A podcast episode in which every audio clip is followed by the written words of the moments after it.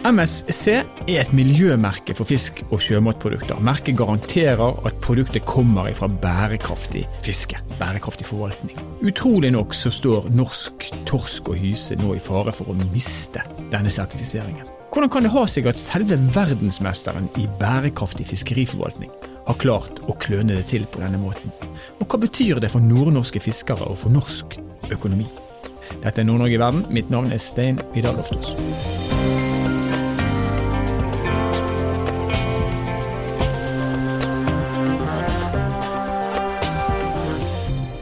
På oppdrag fra Kunnskapsbanken for Nord-Norge har PwC skrevet en analyse om MSC-sertifiseringen, og hvilke konsekvenser et bortfall vil ha. Og Den analysen den er skrevet av deg, Ragnhild Dale Heen, seniormanager i PwC. Velkommen til oss. Tusen takk. Du, Vi skal starte helt, eh, helt på starten. Hva er egentlig MSC-sertifisering? Ei MSC-sertifisering er jo en sertifisering som garanterer for at fiskeri oppfyller internasjonal beste praksis for bærekraftig fiske. Mm. Og Forkortelsen MSC står for Marine Stewardship Council, som er et uavhengig sertifiseringsprogram for villfanga fisk, eh, som også forvalter miljømerket MSC, som forsikrer kunden om at fisken de kjøper, er bærekraftig. Men hvorfor er dette viktig? MSC er jo viktig fordi det både er et anerkjent internasjonalt sertifiseringsprogram Eh, for villfang av fisk. Men det er også et anerkjent eh, globalt forbrukermerke. Mm. Eh, og med den stadig økende etterspørselen etter bærekraftige produkter, så øker jo også etterspørselen etter produkter som kan garantere eller dokumentere for bærekraft. Og når norske fiskerier nå mister sertifiseringa, så mister vi også muligheten til å selge bærekraftig fisk fra Norge. Og det er jo litt sånn interessant i og med at Norge har et av de beste forvaltningssystemene for fiskeri. Mm. Men altså, Vi mener at vi er bærekraftige, og så mister vi dette her merket. Men for de som kjøper de produktene som vi har, og som kjøper fisk og sjømat fra Norge, er det sånn at alle land i verden eh, er opptatt av dette, eller er det enkelte markeder som velger å sortere ut ifra hvorvidt man har eh, miljøsertifisering eller ikke? Det er jo et eh, veldig godt spørsmål. Eh, hvis, men hvis vi ser på de viktigste markedene for eh, norsk torsk målt i verdi, da, som er Portugal, Danmark, Kina, Italia, Storbritannia, Brasil, Spania, Polen, Nederland og Sverige. Så for alle disse markedene så vektlegger man MSC-sertifisering, eller MSC-merket. Det eneste unntaket er kanskje Brasil, men det er for at man ikke har gjort kjennskapsmålinger i det markedet. Så det er jo helt klart det at det her merket er noe som vektlegges i veldig mange markeder. Men det har jo Eh, større betydning i enkelte markeder. Eh, kanskje spesielt hvis vi tar et, eh, et eksempel som Storbritannia. Så er det et marked som vektlegger MSC veldig høyt, og som også er et veldig viktig marked for norsk torsk og hyse. Ja. Bærekraft blir jo viktigere og viktigere, så vi skal jo ikke lures til å tro at dette kommer til å bli mindre viktig fremover. Men en ting når jeg leser rapporten deres, så er det en ting som jeg stusser over. fordi at eh, Dere skriver der at det har vært en kraftig nedgang i MSC-sertifisert fiskeri i Norge de to siste årene. Altså Vi har gått ifra å ha miljømerker mer enn 90% av eh, fiskeriene våre, og helt ned til kanskje 40 eh, i år. Altså Vi har jo en tendens til å se på oss sjøl som verdensmestere når det gjelder bærekraftig forvaltning, og kanskje spesielt når det gjelder fisk. Hvorfor skjer det her? Eh, ja, det er jo et veldig godt spørsmål, og det er jo litt ulike grunner til denne kraftige nedgangen av MSC-sertifiserte fiskerier i Norge.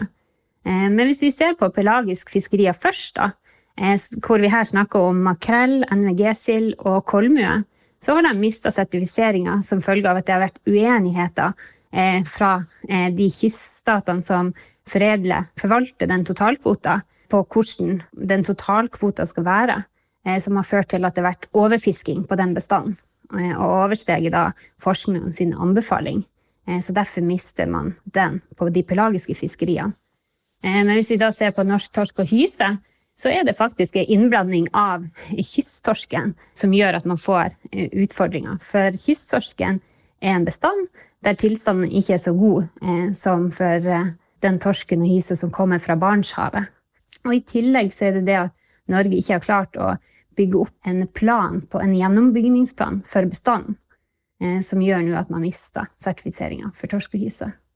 innenfor tolv nautiske mil. Da. Innenfor tolv nautiske, og, og gjenoppbygging, da snakker man om gjenoppbygging av selve kysttorskstammen, og ikke av den, den totale skrei pluss torskestammen. Ja, kun for kysttorsken. Så det er den som er utfordringa.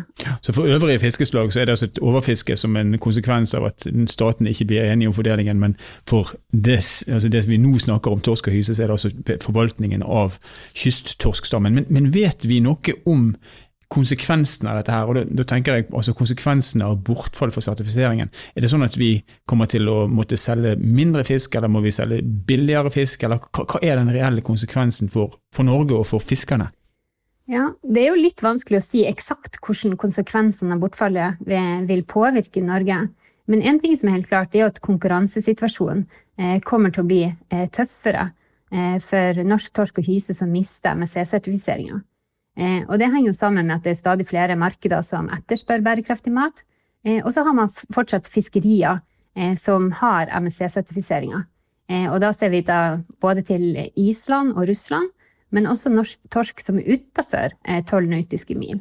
Mm. Så den, her, den som mister MSC-sertifiseringa, kommer jo til å få utfordringer med markedsadgang.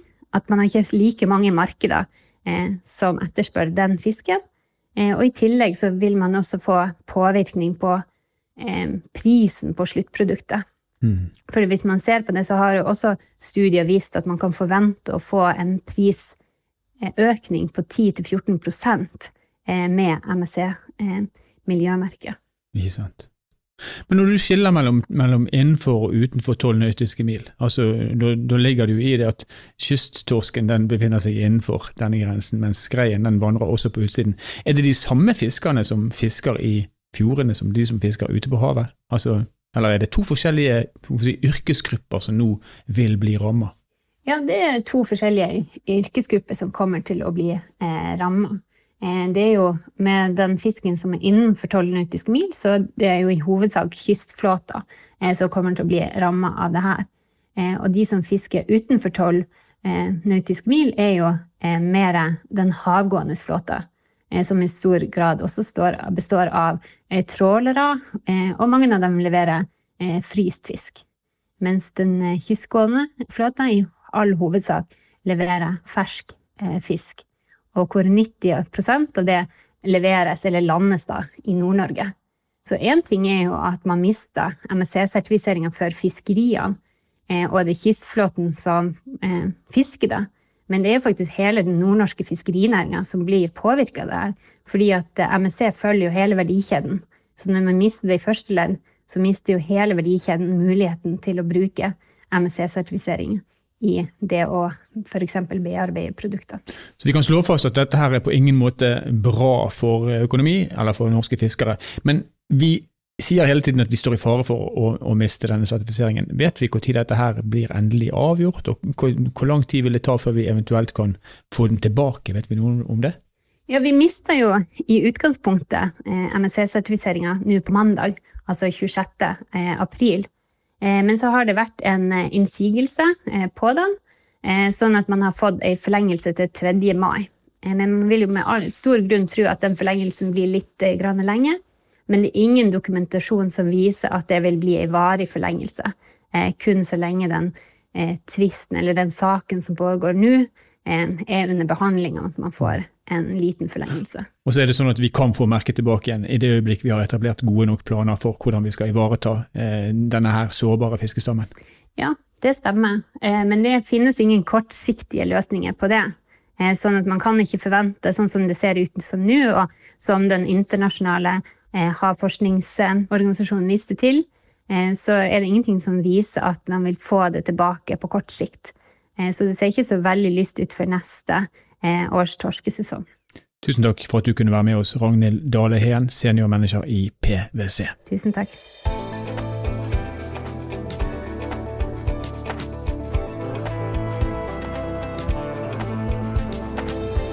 Så Hovedutfordringen her er at det er vanskelig å skille kysttorsken fra skreien, fordi de fiskes i hvert fall i perioder på akkurat samme plass innenfor denne tolvmilssonen. Eh, og helt siden 2011 så har altså vi visst at kysttorsken har vært utsatt, den har vært for hardt beskattet eller det har vært for få av den, og vi er blitt bedt om å lage planer for å kunne ivareta eh, akkurat denne bestanden. Men altså i 2021 så har vi ennå ikke fått en sånn plan stabler på beina, og det betyr at vi da nå mister sertifiseringen. nå skal vi snakke med Havforskningsinstituttet, som har ansvar for å overvåke marine ressurser og ja, alt det som har betydning for fiske og fangst i Norge. Og vi skal snakke med fagdirektør for marine økosystemer og ressurser, Geir Huset. Og Jeg må bare starte med å spørre deg, driver Norge, altså bærekraftsorienterte Norge, driver vi rovfangst av kysttorsk og hyse langs eh, kysten? Altså, jeg vil ikke si at vi driver råfangst, men uh, vi har en uh, utfordring som går på at uh, kysttorsken fanges i fiskeriet med en mye større skreibestanden eller nordøst-arktisk torsk. Sånn at det er en utfordring da å beskytte den mye mindre kysttorskbestanden i det fiskeriet, sånn at en ikke får for mye inn, eller bifangst av, av kysttorsk i skreifisket. Så det, det, er på en måte det som er den store utfordringen for, for kysttorsken. Så når vi fanger skreien altså på kysttorsken sin hjemmebane, så, så, blir innblandingen for stor. Men betyr det at kysttorskstammen at den i utgangspunktet er, er jeg håper å si, utrydningstrua? står det så dårlig til, eller? Nei, altså Utrydningstrua er ikke han, men han er i nærheten av de måte, kritiske verdiene som vi bruker for å regulere bestanden. kan du si. Vi har, vi, har, sånne kritiske verdier, og nå har vi akkurat hatt en metoderevisjon um, der vi har revurdert disse her kritiske verdiene og fått en ny uh, modell for, uh, for kysttorsken. og Da ser vi at han han ligger på en måte sånn i, grenseland litt under det som er satt som, eh, som de kritiske verdiene. Da skal han eh, i utgangspunktet sette inn, eh, inn ekstra tiltak. Mm. Og sånn som jeg forstår det når jeg leser eh, teorien bak dette, her, så har vi egentlig visst om dette helt fra vi fikk denne sertifiseringen i 2011, at noe må gjøres. Hva, hva er det som gjør at ikke vi ikke klarer å eh, få løst utfordringen? Ja, altså, det, er jo, det, er jo, det at en har denne bifangsten, og at eh, det er vanskelig å vite nøyaktig hvor kysttorsken forekommer eh, år for år. Sånn at Hvis en hadde visst nøyaktig hvor det var han kom, så kunne en satt inn tiltak der. Men det varierer litt langs kysten eh, hvor, hvor, det forekommer kysttorsk, og når han kommer inn. Selv om vi, vi vet en del om det, og vi har bl.a. hatt tiltak i, utenfor Henningsvær, såkalte Henningsværboksen, der en stengte eh, området eh, fordi at en, en, så at det forekom veldig mye kysttorsk der. Men så ser vi at nå i senere tid så er, er ikke det tilfellet, og der er det mest skrei. Sånn at eh, Derfor er det vanskelig å vite nøyaktig hvor en skal sette inn tiltakene, og det er det som gjør at en, en har hatt vansker med å, å, nå de gjenoppbyggingsmålene som en har satt seg. Hmm. Hva er løsningen, sånn som du ser det, hvis vi skal klare å Vi ønsker jo å få tilbake denne sertifiseringen. Hva er de grepene vi må innstille oss på å ta fremover? Altså det, det, som vi har anbefalt i, i, den rapporten som vi skrev i fjor, er jo at eh, i prinsippet så er det å detektere hvor en påfører kysttorsken eh, høy dødelighet, altså hvor en fanger mye kysttorsk. Eh, og så eh, finne ut hvor det er, og så kunne stenge områdene ganske raskt. Og holde de stengt til en ser at andelen kysttorsk går ned. Det er på en måte det som vi ser som det viktigste tiltaket. og Da handler det om å være på plass og kunne ta prøver og skille kysttorsk og skrei. Eh, vi bruker genetiske metoder, så vi jobber nå i litt lengre løpet er å, å ha metoder som raskt kan eh, skille ut hva som er kysttorsk eh, fra skrei. Og, og, at våre folk kan være på plass, og at vi, vi svarer raskt opp med å stenge det, sånn, sånn som en har f.eks. i en del andre typer fiskeri, der en ser at det er stor innblanding for av, av fisk i reketrål. Så en tilsvarende system, og det har han jo hatt òg eh, andre plasser. Men, men, jeg tror nok det vil være det mest effektive tiltaket for å kunne eh, gjenoppbygge eh, kysttorskbestandene. Og det her er en anbefaling som dere har, eh, har lagt frem i en rapport fra 2020. Hvem er det som bestemmer at ja, dette gjør vi, eller nei, dette gjør vi ikke? Nei, Det er jo, det er jo i Fiskeridepartementet og, og Fiskeridirektoratet som på en måte gjennomfører forvaltningen. da. Så, så det er jo òg andre tiltak som går mer på å, å stenge eh, eh, fjordlinjer og sånne ting for enkelte flåtegrupper og sånn. Så òg eh, blir brukt i, i, dette. Men vi tror at, at det og det er viktige tiltak i tillegg da, til at en kan ha en mer sånn operativ eh, tilnærming og stenge området eh, under fiskeriet. Vil det bli fortgang i dette, tror du, nå når vi da etter all sannsynlighet mister denne sertifiseringen? Um, ja, Vi har jo jobba ganske intenst med det i, i flere år. Og Nå satte vi inn litt uh, ekstra innsats uh, i forbindelse med den rapporten vår og vi, den metoderevisjonen som vi har hatt nå. Da, der en har delt opp og kysttorsken nord for 62 i to enheter. Der en har en, en oppdeling nå i nord for 67 og mellom 62 og 67. Og Det er fordi at vi ser at 80% av fangstene eh, de blir tatt nord for 67. Det er der en virkelig har, har stor eh, bestand og stort uh, fiskeri. Sånn at uh, Når vi uh, har hatt den metoderevisjonen, så har vi òg intensivert arbeidet med å, å, utvikle metoden vår. Både den genetiske metoden og hele den samplingen, hvordan vi skal gjøre dette. Sånn. For Vi må jo ha folk ut i felten og, og gjennomføre dette her, og det må skje raskt. og en må få analysert disse prøvene. Så vi har jobba med, med, alle disse tingene egentlig nå, spesielt eh, siste, siste halvåret, eh, men òg eh, over tid. Så eh, det er litt intensivering nå, vil jeg si. Du, når du nevner nord for 62. og 67. breddegrad, i hvert fall nord for 67., da beveger vi oss fort inn i eh, skreiens mekka, altså Lofoten. Er det sånn som du ser det, er det noen fare for at skreifiske kan bli eh, avlyst helt eller delvis i den tiden vi nå går inn i? Nei, det ser ikke jeg som, eh, som eh, aktuelt. Eh, men, men det, det, vil bli viktig for oss å, å utvikle disse her tilnærmingene videre, sånn at vi kan, vi kan ha effektive verktøy og, og, så klare å skille dette her. Sånn at en kan gjennomføre fiske etter skrei mest mulig normalt og fremdeles beskytte kysttorsken. Det går an å ha to tanker i hodet på en gang. Helt til slutt, for to år siden så eh, var det sagt at nesten all fisk som var fiska i Norge, var miljøsertifisert. Nå snakker vi om kanskje bare 40% av dette her. Hvordan, sånn som du ser det, hvordan kan dette skje? Nei, altså det, det, er jo et paradoks når du har på den ene sida eh, det at en, en har fremma at en har veldig god fiskeriforvaltning, og så mister en disse sertifikatene. Eh, men jeg vil si at systemet vårt er eh, bærekraftig. Det har eh, evnen til å sette inn tiltak når en får denne type utfordringer med at en har større fiskeri enn det som er anbefalt for de pelagiske f.eks. Og, og da har vi evnen til å sette inn tiltak sånn at vi, vi, sikrer bestandene når de begynner å bevege seg under eller ned mot de kritiske verdiene som er definert.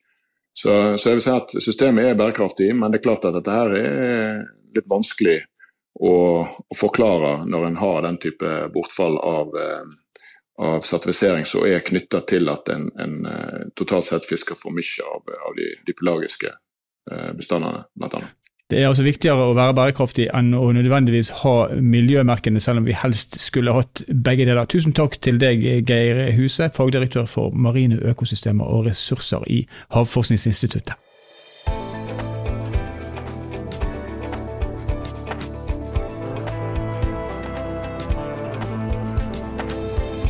Bortfallet av MSC-sertifiseringen den vil i all hovedsak ramme kystflåten. Og Kystflåten den består i dag av ca. 4400 fartøyer, og av disse så er ca. 70% hjemmeværende i Nord-Norge. Og Kystfiskerne de representeres av Norges Kystfiskarlag, og nå har vi med oss lederen i Kystfiskarlaget, Ann Sofie Kristiansen. Velkommen til oss, Ann Sofie. Takk for det. Du, hva betyr egentlig MSC-sertifiseringen av torsk og hyse, og ikke minst, hva betyr et bortfall av denne for kystfiskerne? Ja, altså MSC det er jo ei internasjonal merkeordning som sier noe om at produktet kommer fra et bærekraftig fiske. Og denne merkeordninga anses jo å være av stor betydning for eh, markedsadgangen og oppnådd pris på fisken. Og eh, norsk torsk og hyse den ble jo MSC-sertifisert i 2010 under vilkår om at innblandinga av kysttorsk i det tradisjonelle kystfisket måtte ned. da. Likevel har det nå gått over ti år uten at eh, bestanden av kysttorsken er blitt bedre. Så det er jo selvfølgelig for tidlig å konkludere hva det vil få å si for kystfiskerne. Eh, men det er jo klart at de frykter jo at det her vil få betydning for markedsadgangen for fisken, og selvfølgelig også prisen også. De frykter jo at de vil få mindre betalt når ikke, når ikke fisken er sertifisert med MSC. Men de kravene som stilles for denne sertifiseringen, er de urimelige, sånn som du ser det? Um, altså, hvis man ser på standarden for MSC, så er det jo da tre krav eller prinsipper som et fiskeri må oppfylle for å sertifiseres. Og det er at fisket må være bærekraftig gjennom at det er på et nivå som sikrer at det kan fortsette på ubestemt tid. Og det er et krav om å minimere miljøpåvirkningene, og så er det selve forvaltninga av fisket. Og det er jo for så vidt rimelige krav som vi i Kystfiskarlaget i hvert fall anser som ja, gode prinsipp. Så kan man jo alltids diskutere metodene og ja, metodikken som ligger bak vurderinga og sånn, men, men sånn jevnt over så vil jeg jo si at de kravene som stilles i dag, de, de, de er ikke urimelige. Er det også tilbakemeldingen som dere får fra fiskerne sjøl? Eh, ja, altså kystfiskerne de, de, er jo holdt på å si mer bekymra for kysttorsken enn de er for uh, at de skal kunne gå bort ifra den MSC-sertifiseringa. Legges det for mye vekt på denne sertifiseringen ute i markedene? Eh, man kan jo diskutere MSC som merkeordning og hvorvidt det er en fornuftig ordning, men sannheten er nå det at det er kundene ute i markedene som etterspør det her merket. Eh, og da er det jo kanskje ikke opp til oss å svare på det spørsmålet. Men eh, ja, spesielt i Europa så stiller jo mange innkjøpere krav til at fisken skal være MSC-sertifisert hvis de skal ta det inn i sine ja, butikker og supermarkeder. Og da nytter det lite for oss å si at man ikke trenger å bry seg om MSC. Det vil i så fall være markedsadgangen og, og og det, det kommer til å gå ut, utover. Hva tenker Kystfiskarlaget er løsningen fremover? Ja, altså løsninga fremover, det tenker nå vi i hvert fall definitivt ligger i å få på plass truverdig, en troverdig gjenoppbyggingsplan for kysttorsken. Uh, og vi bør tilstrebe å få tilbake miljømerket på de artene vi har mista sertifiseringa på. Det mener vi. Og så må vi kanskje erkjenne at beskatninga av kysttorsken fortsatt er altfor høy, og myndighetene de må prioritere å få på plass fiskerireguleringer som kan bidra til at forvaltninga av kysttorsken blir bedre. Og i det så, så legger vi jo det mm, i da, altså at vi trenger et, uh, at kysttorskvernet gis en overordna status i utarbeidelsen av fiskerireguleringer, og også kommunene sine kystsoneplaner det betyr jo også at andre næringer enn fiskeri, som f.eks. turistfiske, oppdrett og gruvedrift og den slags, må ilegges mye større betydning i lys av eh, kysttorskvernet. Også innenfor fiskeriene så må vi selvfølgelig ha eh, ja, finne oss i regulering av øvre bruksmengder for ulike redskapstyper, og at fartøystørrelser også. Og det betyr jo at uh, fiskerne må finne seg i større grad å bli regulert ut ifra både fartøystørrelse og redskapsbruk i de kystnære områdene. Tusen takk skal du ha, Ann Sofie Kristiansen, leder av Kystfiskarlaget. Takk for det.